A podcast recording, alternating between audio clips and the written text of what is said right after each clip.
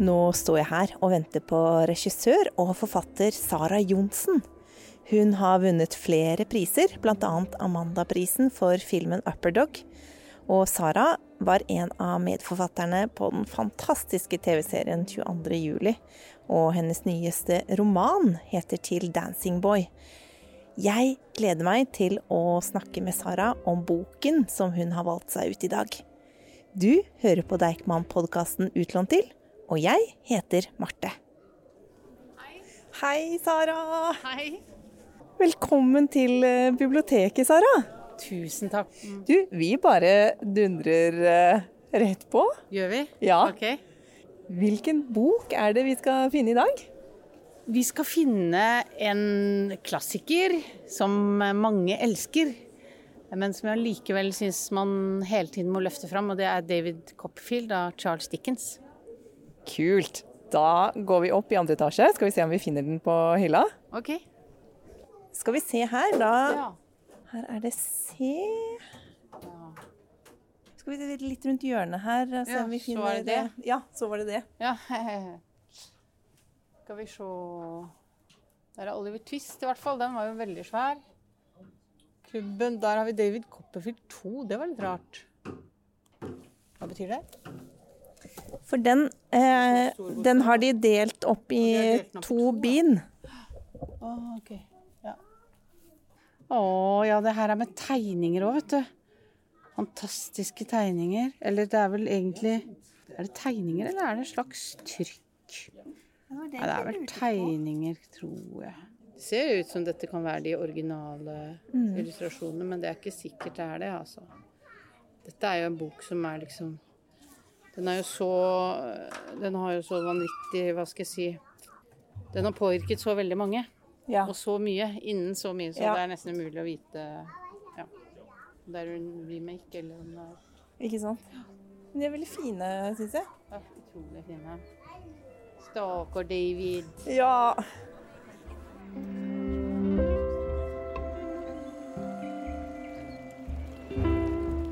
Om jeg skal bli helten i min egen livshistorie, eller om plassen skal bli opptatt av en annen, får disse bladene vise.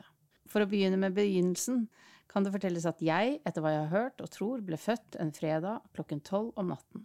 Man merket seg at klokken begynte å slå samtidig med at jeg begynte å skrike. I betraktning av dagen og timen for min fødsel fastslo jordmoren en, og en del av nabolagets kloke koner, som hadde vist en levende interesse for meg atskillige måneder før de kunne ha stiftet mitt personlige bekjentskap, for det første at jeg var forutbestemt til et ulykkelig liv, og dernest at jeg var utrystet med evnen til å se ånder og spøkelser, egenskaper som etter deres tro var uverdelig klebet til alle de uly ulykkesbarn som fødes til verden en fredagsnatt henimot de små timer. Hvorfor har du valgt deg David Copperfield, eh, Sara? Det var egentlig fordi jeg tenkte um, Det er jo en av mine favorittbøker, og en bok som påvirket meg, tror jeg, som forteller. Altså både som forfatter og som filmskaper. Selv om jeg kanskje ikke har vært det så bevisst. Det er veldig fortellerglede i Dickens, som jeg syns er eh, eh, veldig sånn gøy å forholde seg til. Og så er det jo det hans vanvittige evne til å skildre karakterer, da, som er eh, veldig sånn spesifikt dickensk. At han, han skaper sånne romankarakterer som er eh, både morsomme, og som er så unike at du kan liksom kjenne dem igjen i mange av dagens TV-serier og, og bøker også. Vi, den utgaven som vi har foran oss nå, den er jo så lang at den er delt opp i hele to bind. 800 sider. Men klarer du å sammenfatte handlingen? Ja, altså Det er eh, historien om en gutt som he, eh, heter David Copperfield, og fortellingen om hans liv, egentlig. Og så er det fortalt sånn at det er en jeg-forteller, så den fortelleren er jo på en måte David som gammel, da. Uh, som har en morsom type distanse til sin egen livsfortelling. Og det handler liksom om at han blir født, uh, moren, altså faren hans er død. Han blir født inn i et hus med en utrolig snill mor, men kanskje litt svakelig, på en måte. Og en nydelig hushjelp som heter Peggety, som er veldig glad i han, og egentlig er et ganske sånn forkjælet barn. Selvfølgelig, som i alle historier, så kan jo ikke det bli noe drama ut av det. Men moren hans, den veldig vakre moren hans, blir forelsket i en veldig slem mann som heter Murdoch. Og han blir jo Davids stefar, og da begynner på en måte Davids hva skal jeg si, utfordringer, da. I møte med denne stefaren som både er eh, kald og voldelig. Og dessuten har en veldig grusom søster, som også flytter inn i huset, da. Og her vil jo alle kunne vite at eh, hvis du har sett for eksempel um, Fanny Alexander av Ingmar Bergman, kan du gjenkjenne ganske mye av, av historien fra David Copperfield. Da. Det er veldig, veldig mange filmskapere og veldig mange forfattere som, som er inspirert av, uh, av denne boka. Jeg syns også det er morsom detalj med hun søsteren til stefaren som har mm. ett øyebryn. Ja. ja. Men uh, ja, og, og, de er jo liksom så De er jo så grusomme mot David, og David er egentlig en veldig snill, kanskje litt naiv gutt. Så møter vi jo da diverse mennesker på sin vei. Og han kan være Altså, det, er veldig ofte sånn at David forstår ikke det vi som lesere forstår. Fordi han er såpass troskyldig og positiv på et eller annet vis. Men, men, vi forstår det som lesere gjennom måten karakteren beskrives av den gamle David, da. Og så er det jo at han han har noe opprør i seg også, så han, han legger seg jo ikke flat for denne stefaren. Han ender opp med å bite han veldig hardt i hånda. Og så blir han sendt til en grusom kostskole. Og så på den kostskolen så får han en beskytter som også er en veldig gjenkjennelig karakter, vil jeg tro, for de fleste unge i dag. Og det er en som heter Stairforth, som er en veldig vakker, ulykkelig adelsgutt. Som på en måte tar David under sin vinge, men som viser seg å være, om ikke ond, i hvert fall gjør han noen veldig onde handlinger, da. Så han er jo også en spennende karakter. Det er liksom Hele tiden så er historien handler egentlig om Davids reise gjennom livet og hans møte med forskjellige mennesker. Og så um, jobber han jo for å bli en kunstner selv, en, en, forfatter. Og så skriver han ting som blir trykket i ja, tidsskrift eller aviser ja. etter hvert. Ja. Men jeg leste at den, den um, er litt basert på Dickens. Eget liv.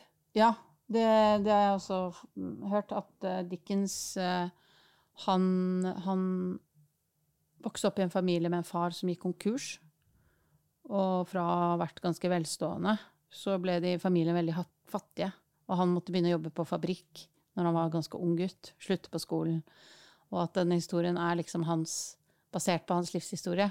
Og det er veldig morsomt, fordi i David Copperfield så er det en veldig også annen kjent karakter som heter Mr. McCauber som er en lut, fattig, evig optimist.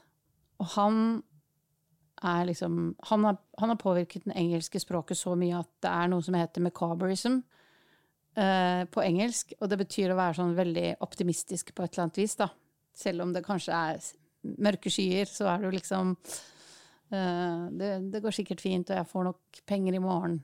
Og den skikkelsen er visst basert på Charles Dickens egen far, Altså, så han var tydeligvis også en sånn som Du vet den typen som, som la oss gå ut og spise på restaurant, og så har du egentlig ikke råd til det, og drikker champagne før du har sjekket om du har penger til å betale. Aha, det var gøyalt. Mm. En fun fact til er at Keith Richard han, i Rolling Stones han har lagd en gitar som heter McCauber. Er det sant? Jøss. Mm. Yes.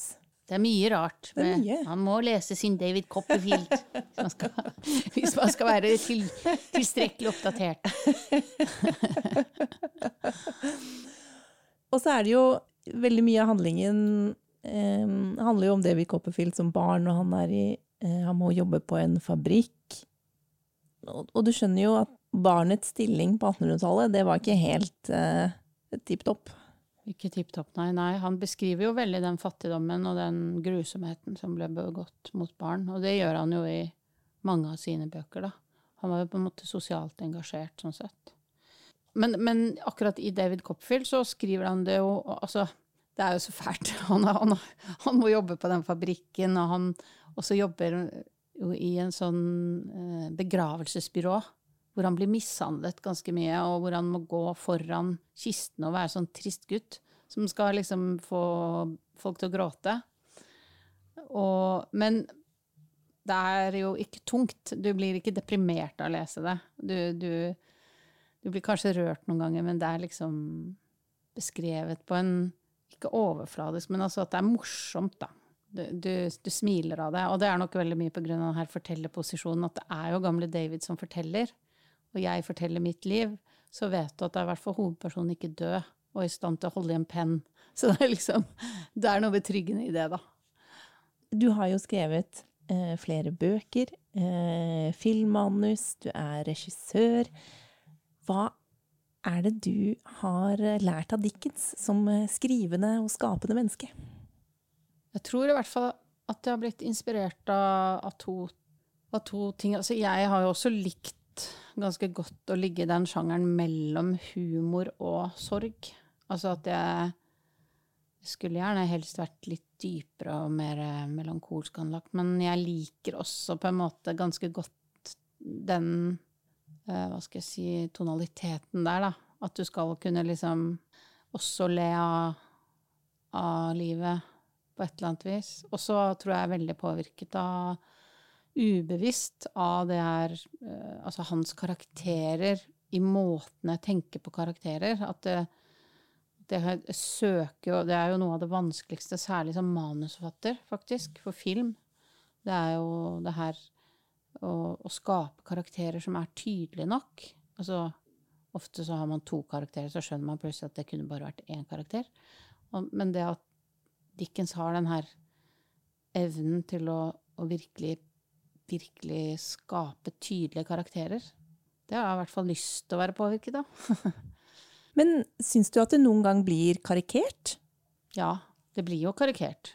Det er jo, det er jo ikke liksom Det er jo ikke liksom dyp litteratur på samme måte som eh, Virginia Woolf, liksom. Det er jo ikke sånn type litteratur. Men det er, det er jo en sannhet i det karikerte også. Det er det. det og, i hvert fall i vår måte å oppleve verden på. Det kan jo godt hende at Mr. McCauber eksempel har et dypt indre sjelsliv som ikke David ser. Men at David ser Mr. McCauber sånn som den han er, det, det er jo sånn vi ofte opp, oppfatter hverandre, da. Så det, det, kan være morsomt også. Altså at man har det skrå blikket litt. Skulle vi eh, klart å finne et lite stykke til å lese? Å, grøss og gru. Okay. Men jeg, jeg, er så redd for at det skal høres kjedelig ut for unge lesere. Jeg kan jo lese bare bitte litt. Det var frøken Murdstone som kom, og skummel så hun ut, svart som broren, som hun i høy grad lignet i ansikt og stemme. De kraftige øyenbrynene møttes nesten over den store nesen. De gjorde formelig tjeneste som mustasjer, siden naturen ikke hadde begunstiget hennes kjønn med skjegg. Hun var ledsaget av to uhåndterlige, harde, svarte kofferter, og på lokket var forbokstavene hennes slått inn med hard messingsøm. Da hun skulle betale kusken, tok hun pengene opp av en hard stålpung, og pungen hadde hun i et rent fengsel av en veske som hang på armen i et tungt kjede og smalt igjen med et bitt. Jeg hadde aldri sett en så helt igjennom metallisk dame som frøken Murdstone. Hun ble ført inn i stuen med mange velkomstønsker, og anerkjente her høytidelig min mor som en ny og nær slektning. Deretter så hun på meg og sa, Det er altså gutten din, svigerinne. Mor vedkjente seg det, Sånn i alminnelighet, sa frøken Murdstone, liker jeg ikke gutter. Hvordan har du det, gutt? Under disse oppmuntrende omstendighetene svarte jeg at jeg hadde det bare bra, og at jeg håpet det samme var tilfellet med henne, men uttrykte meg så skjødesløst at frøken Murdstone avfeit meg med to ord. Ingen folkeskikk. Det er jo veldig fint, eh, det Eh, Dickens gjør her, med ja, både dette øyebrynet og at hun er så eh, metallisk og hard. Mm. Du skjønner jo med en gang hva slags eh, type det her er. Det er veldig fint, ja, det du sa med tydelig, mm. tenker jeg. At han er så tydelig i beskrivelsen, ja. ja. Det kommer en sikkert fra det, kanskje da, fra det karikaturtegner yrke, da. At du ser veldig nøye på folk. Er det noe som på et eller annet vis uttrykker en form for personlighet, eller noe som man Men uten at det blir At han kommer liksom unna med det, hvis du skjønner hva jeg mener? Ja, at du ikke føler at det er liksom slemt, på en måte. Ja, ja. Eller at det ikke blir noen for Jeg tror ikke det er noen sensitivitetslesere som ville reagert av å lese Dickens, men jeg vet ikke Nei. om han har vært gjennom det. Men eh, jeg har ikke reagert på noe sånn som Jeg føler at det er en varme der, da, når han beskriver for, Fordi man kan jo tenke liksom Jeg føler ikke at det er, eh, hva skal jeg si, arrogant, eller at det er noe sånn slemt i det. Men det er klart, de slemme er jo litt sånn klisjé-slemme. Ja. Abso- Absolutt. Men du nevnte han Stairforth, som ah, vi likte veldig godt som karakter, og som da skuffer meg jo dypt. Mm. Og som går en tragisk eh, skjebne i møte. Han eh, Dickens står jo ikke fritt for å ta livet av eh, en del av karakterene sine. Nei. Og, og Stairforth er jo på en måte ja, ja, Det er eneste karakteren som jeg tenker liksom Er det meningen at vi skal lese litt forbi det David observerer? Fordi den Det han gjør med hun Emily og sånn, det er litt sånn u... Jeg har litt lyst til å tenke at Stairforth er egentlig litt, veldig ulykkelig. Og at det er derfor han gjør det han gjør, og at det er liksom det er et eller annet mellom forholdet mellom han og moren og, som har på en måte gjort han destruktiv, da. Men han er også veldig veldig spennende skikkelse som, som liksom Altså, den boka har hatt så mye å si for populærkulturen og for, for vår kultur at i, i ryggmargen til veldig mange unge så vil det være veldig mye gjenkjenning i den boka her. For at liksom Å ja, eh, du har liksom sett de her karakterene bli skapt på nytt og på nytt på nytt, både i litteratur, men også veldig mye TV-seere. Så ja, det finnes mange Steforthers som har blitt eh, portrettert, ikke sant. Den der slemme dandyen, eller den vakre som du blir så fascinert av, og som viser seg å være, ha en veldig sånn destruktiv, kald, skummel side. Tidlig sånn eh, fuckboy. Ja, ja, ja, det kan man si. Eh, Det er det det heter nå til dags. Ja. Det høres så ufarlig ut å være en fuckboy, men uh, sånn Steforth er jo en liksom Han har nok en sånn dyp eh, Dyp destruktivitet i seg. Kanskje kan det være at liksom Kan det være liksom et eller annet der som han undertrykker, som gjør at han ikke kan være lykkelig og må ødelegge? Det er jo liksom Han har veldig mye forakt, ikke sant? Han er så full av forakt. Og det har jeg tenkt mye på at folk som har så mye forakt, de har jo ofte veldig mye selvforakt også. Selv om de ikke viser den selvforakten, så er de De hater seg selv mest. Og det gjør kanskje Stefan òg. For han leder jo en kvinne ut i fristelse. Ja.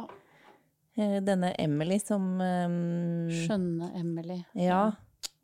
Som hun eh, rømmer jo da fra han som hun egentlig skal gifte seg med, fordi hun blir så betatt, sikkert. Og så ender hun opp som prostituert, Mm. som jo også på en måte er var sånn interessant eh, fra et sånn kvinneperspektiv, at eh, hvis man eh, rømte av gårde og lå med en mann, så var det jo på en måte kjørt, da, uten å være, uten å Mm. være gift. Ja. Det var løpeskjørt, ja. Det var ikke sånn de er, de er jo ikke så frie, de damene her. Men du må også fortelle oss hvordan det var du oppdaget eh, David eh, Copperfield. Altså det som var veldig gøy, da, var at når jeg fikk denne boken presentert, så ble den lest høyt for meg. Og jeg var vel eh, 20 Kanskje 19, da. 1920. Og det er en venninne som måtte passe en hund i Strasbourg. Det høres veldig rart ut, men det er helt sant. Og de foreldrene de betalte billetten, flybilletten og sånn, og så skulle vi bo i det huset og passe den hunden. Og hun snakker eh, Hun hadde vokst opp i England, så hun snakket sånn helt feilfritt engelsk. Og vi hadde en engelsk kopi av David Copperfield. Jeg vet ikke om det sto i huset, eller hadde stått i huset. Men i hvert fall, hun leste hele David Copperfield for meg høyt. Og med veldig Veldig morsomt, da. Veldig med masse innlevelse og sånt. Så Jeg tenker tilbake på liksom hva har vært sånne spesielle leseopplevelser, så er det en av mine store leseopplevelser å være sammen med henne, at hun leser den og røkte fryktelig mange sigaretter, sikkert 30 om dagen. Og ligge ute der og, og høre David Copperfield da, med hennes stemme. Så ja. Det som jeg tror på en måte festet seg, var liksom en tydelighet på fortellerposisjon, skjønne hva, fortelle, hva er en fortellerposisjon. Fordi det skjønner du veldig godt i sånne førstepersonsfortellinger. Det er jo til Dancing Boy er jo en førstepersonsfortelling, faktisk. Som også forteller fra fortid. Så kanskje jeg er mer påvirket enn det jeg tror.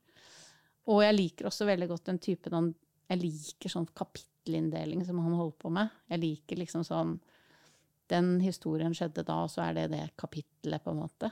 Jeg liker veldig godt uh, sånn ryddestrukturen, eller hva man skal kalle det. Ja. Men hva mener du med fortellerposisjon? Jeg mener liksom Hvis du leser en bok, så er det liksom Hvem forteller historien? Så kan du ha, du kan ha allvitende forteller som vet alt, og bare er en liksom voice of God. Eller så kan du ha en jeg-fortelling eh, som er i presens. Eller så kan du ha en jeg-fortelling som ser tilbake. Og det er, dette her er jo en jeg-fortelling som ser tilbake. Det er liksom gamle David forteller historien 'Jeg ble født der og der og da'. Jeg elsker sånne historier. Jeg elsker det til og med nesten uansett hvem sitt liv det er jeg får høre om.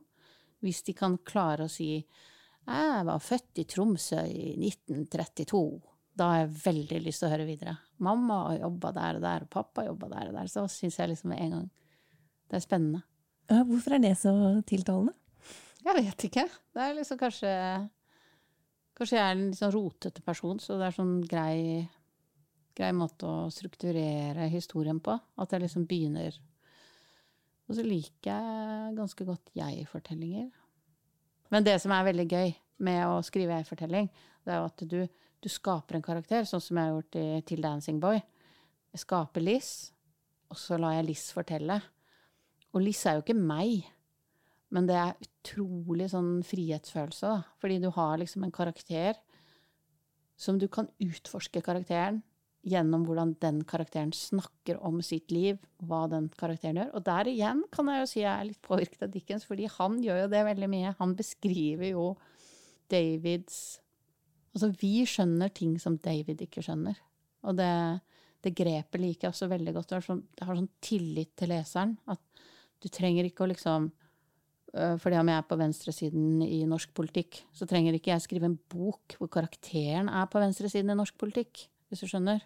Jeg føler det er veldig, veldig viktig poeng for meg, er at også det her med at en roman er Det er liksom et sted hvor du skal utforske ting og undre deg over ting, og, og kanskje kan se på ting fra flere perspektiver og ha ulike meninger. Det er ikke liksom et sånt kampskrift hvor du skal dele verden inn i svart-hvitt svart meninger, og hvor forfatteren nødvendigvis mener det karakteren i boken mener. Men når du lager film, altså, som for meg bare virker som en helt sånn absurd stor oppgave, hvordan tror du at du er eh, eh påvirket av, eh, av Dickens når du, når du, skal lage film? Hmm, nei, jeg vet ikke. Altså, jeg er jo påvirket av mer som, som forteller. Altså, film er jo fortelling også. Og jeg har jo lagd ganske sånn klassisk fortellende filmer, og ikke så eksperimentelle filmer. Så det blir det samme at du liksom har et veldig bevisst forhold til publikum. Du, du tenker på at du må ha tydelige karakterer. At uh, karakteren din, for eksempel Det er jo veldig morsomt hos Dickens. Der, uh, altså når karakterene snakker, så han er jo Altså, karakteren snakker sin personlighet, ikke sant. Altså, det er jo veldig viktig på film også at uh, dialogen er krev... Liksom, dialogen uttrykker uh, karakterens indre. Jeg vet ikke om du har sett på Succession, og liksom se på dialogene der hvor som Roman, han yngste sønnen, snakker. Altså, ja. det, er jo, det er jo også en viktig ting med, med Dickens at Eller med David Copperfield er jo jeg var gift eh, Jeg har vært gift to ganger, men jeg var gift, eller jeg er gift, og så har jeg vært gift en gang før. Og han, førstemannen min, når vi kranglet, så sa, så sa han alltid til meg med et smil I'll never leave my Mr. McCauber.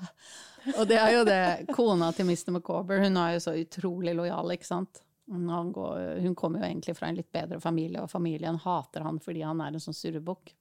Men den derre setningen I'll never leave my Mr. Micawber, det sier jo også utrolig mye om en karakter. At du har det som en sånn uh, kjernesetning som du faktisk sier til omgivelsene.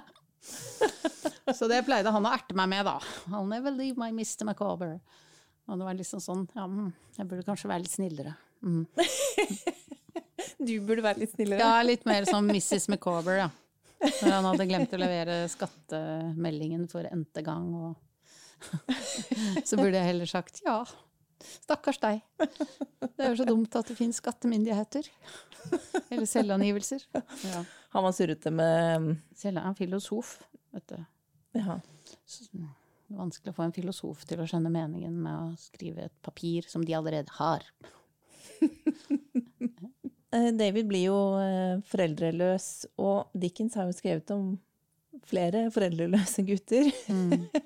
og du har jo også uh, hatt nå, nå, finner du veldig mange Ja, jeg finner det, jeg gjør det. Kanskje jeg er mer påvirket ja. av Dickens enn det jeg vil vedkjenne meg. Ikke sant? Kanskje det er typisk trekk ved min personlighet. For i din film 'Rosemarie' så er det jo ja. en, en, brud som finner en baby på mm. do. Ja, det er sant, det. Og i den første filmen min, 'Upperdog', så er det også to barn som har kommet bort fra hverandre. To søsken, eller halvsøsken, da. Ja, det her med å lete etter tilhørighet og liksom Hvor man hører hjemme, på et eller annet vis. Og om det er viktig eller viktig, det er jeg jo kanskje opptatt av, da. Eller vært opptatt av, i hvert fall. Det er vel kanskje sånn også Eller klassisk fortelling at man må Ja, man må liksom miste noe Eh, for å kunne komme ut på eventyr og, og, og, lete etter et eller annet, da. Ja. Altså, lengsel er jo veldig Kan jo bli veldig dramatisk hvis den settes i spill. Ja, jeg er sikkert opptatt av det, egentlig. Uten å være så bevisst, da. Man kan ikke være så bevisst, for da har man ikke noe å skrive om til slutt. man må passe på at det er litt rotete der oppe. Ja. Var det ikke sånn også at eh, David Copperfield hadde vært litt viktig i din familie? Jo, det er også veldig rart. Det er eh, ikke så rart, da, men det er bare sånn Mamma fortalte at uh, hennes uh, uh, mor, som var jødisk, hun hadde to foreldre, og moren het Agnes. Men det kan jo ikke være til Agnes i denne boka, fordi altså den er 1850, jeg er så dårlig på noen årstall, men i hvert fall de, når de fikk en datter, så kalte de henne for Dora. Og det syns jeg var litt rart, fordi Dora er jo veldig fjollete. Men det var fordi de elsket David Copperfield, da. Det, det... Både Agnes og Jeg husker ikke hva mannen het, men det er litt koselig. Ja, det er veldig gøy. Dora er jo eh, David Copperfields eh, første brud. Ja. Hun er vel med de to pudlene. Ja. Som er så fjollete. Og så gifter han seg da med Agnes etter at uh, Dora dør i barsel. Ja. Agnes er vel uh, den du vil at han skal gifte seg med hele tiden, da. Som du føler at hun er den rette. Ja. Fornuftig og snill. Ja, og i stand til å ta vare på sin gamle far. Ja. Den er jo, den er jo mye sånn Skal jeg si Litt sånn gammeldags uh, moral i den. Men det er jo, det er jo masse humanisme i den òg. Det syns jeg virkelig. Og han var eh, opptatt av liksom fattigdom og uh, hvordan det var å vokse opp i fattigdom, og kan Hvor brutalt det var, da. Det var ekstremt brutalt. Det hadde vært så gøy at uh, liksom Om noen fikk lyst til å lese den, som, som ikke hadde lest den. Men det går som an også an å høre på lydbok, da. Hvis man syns det blir litt sånn skremmende å høre om en tjukk bok. Den er i hvert fall også veldig egnet til å lese høyt for hverandre, sånn som venninnen min gjorde for meg. Hvis noen er syk, for eksempel, og må holde sengen, så er det en fin bok å lese høyt for dem. Fordi den er liksom sånn lang og fin fortelling. Det høres utrolig fint ut med den venninnen som leste hele David Copperfield høyt for deg. Ja, det var skikkelig fint. Og vi var faktisk på den tiden ganske kule, altså. Så det var bare noen få år før jeg ble liksom vokalist i et punkband, og vi digga David Bowie, og vi var kule, men vi leste David Copperfield for det. Tusen takk, Sara, for denne fine praten. Tusen takk selv. Og takk til deg som har lyttet til Deichman-podkasten Utlånt til, og David Copperfield av eh, Charles Dickens, oversatt av O. Thomassen. Den kan du låne her på biblioteket.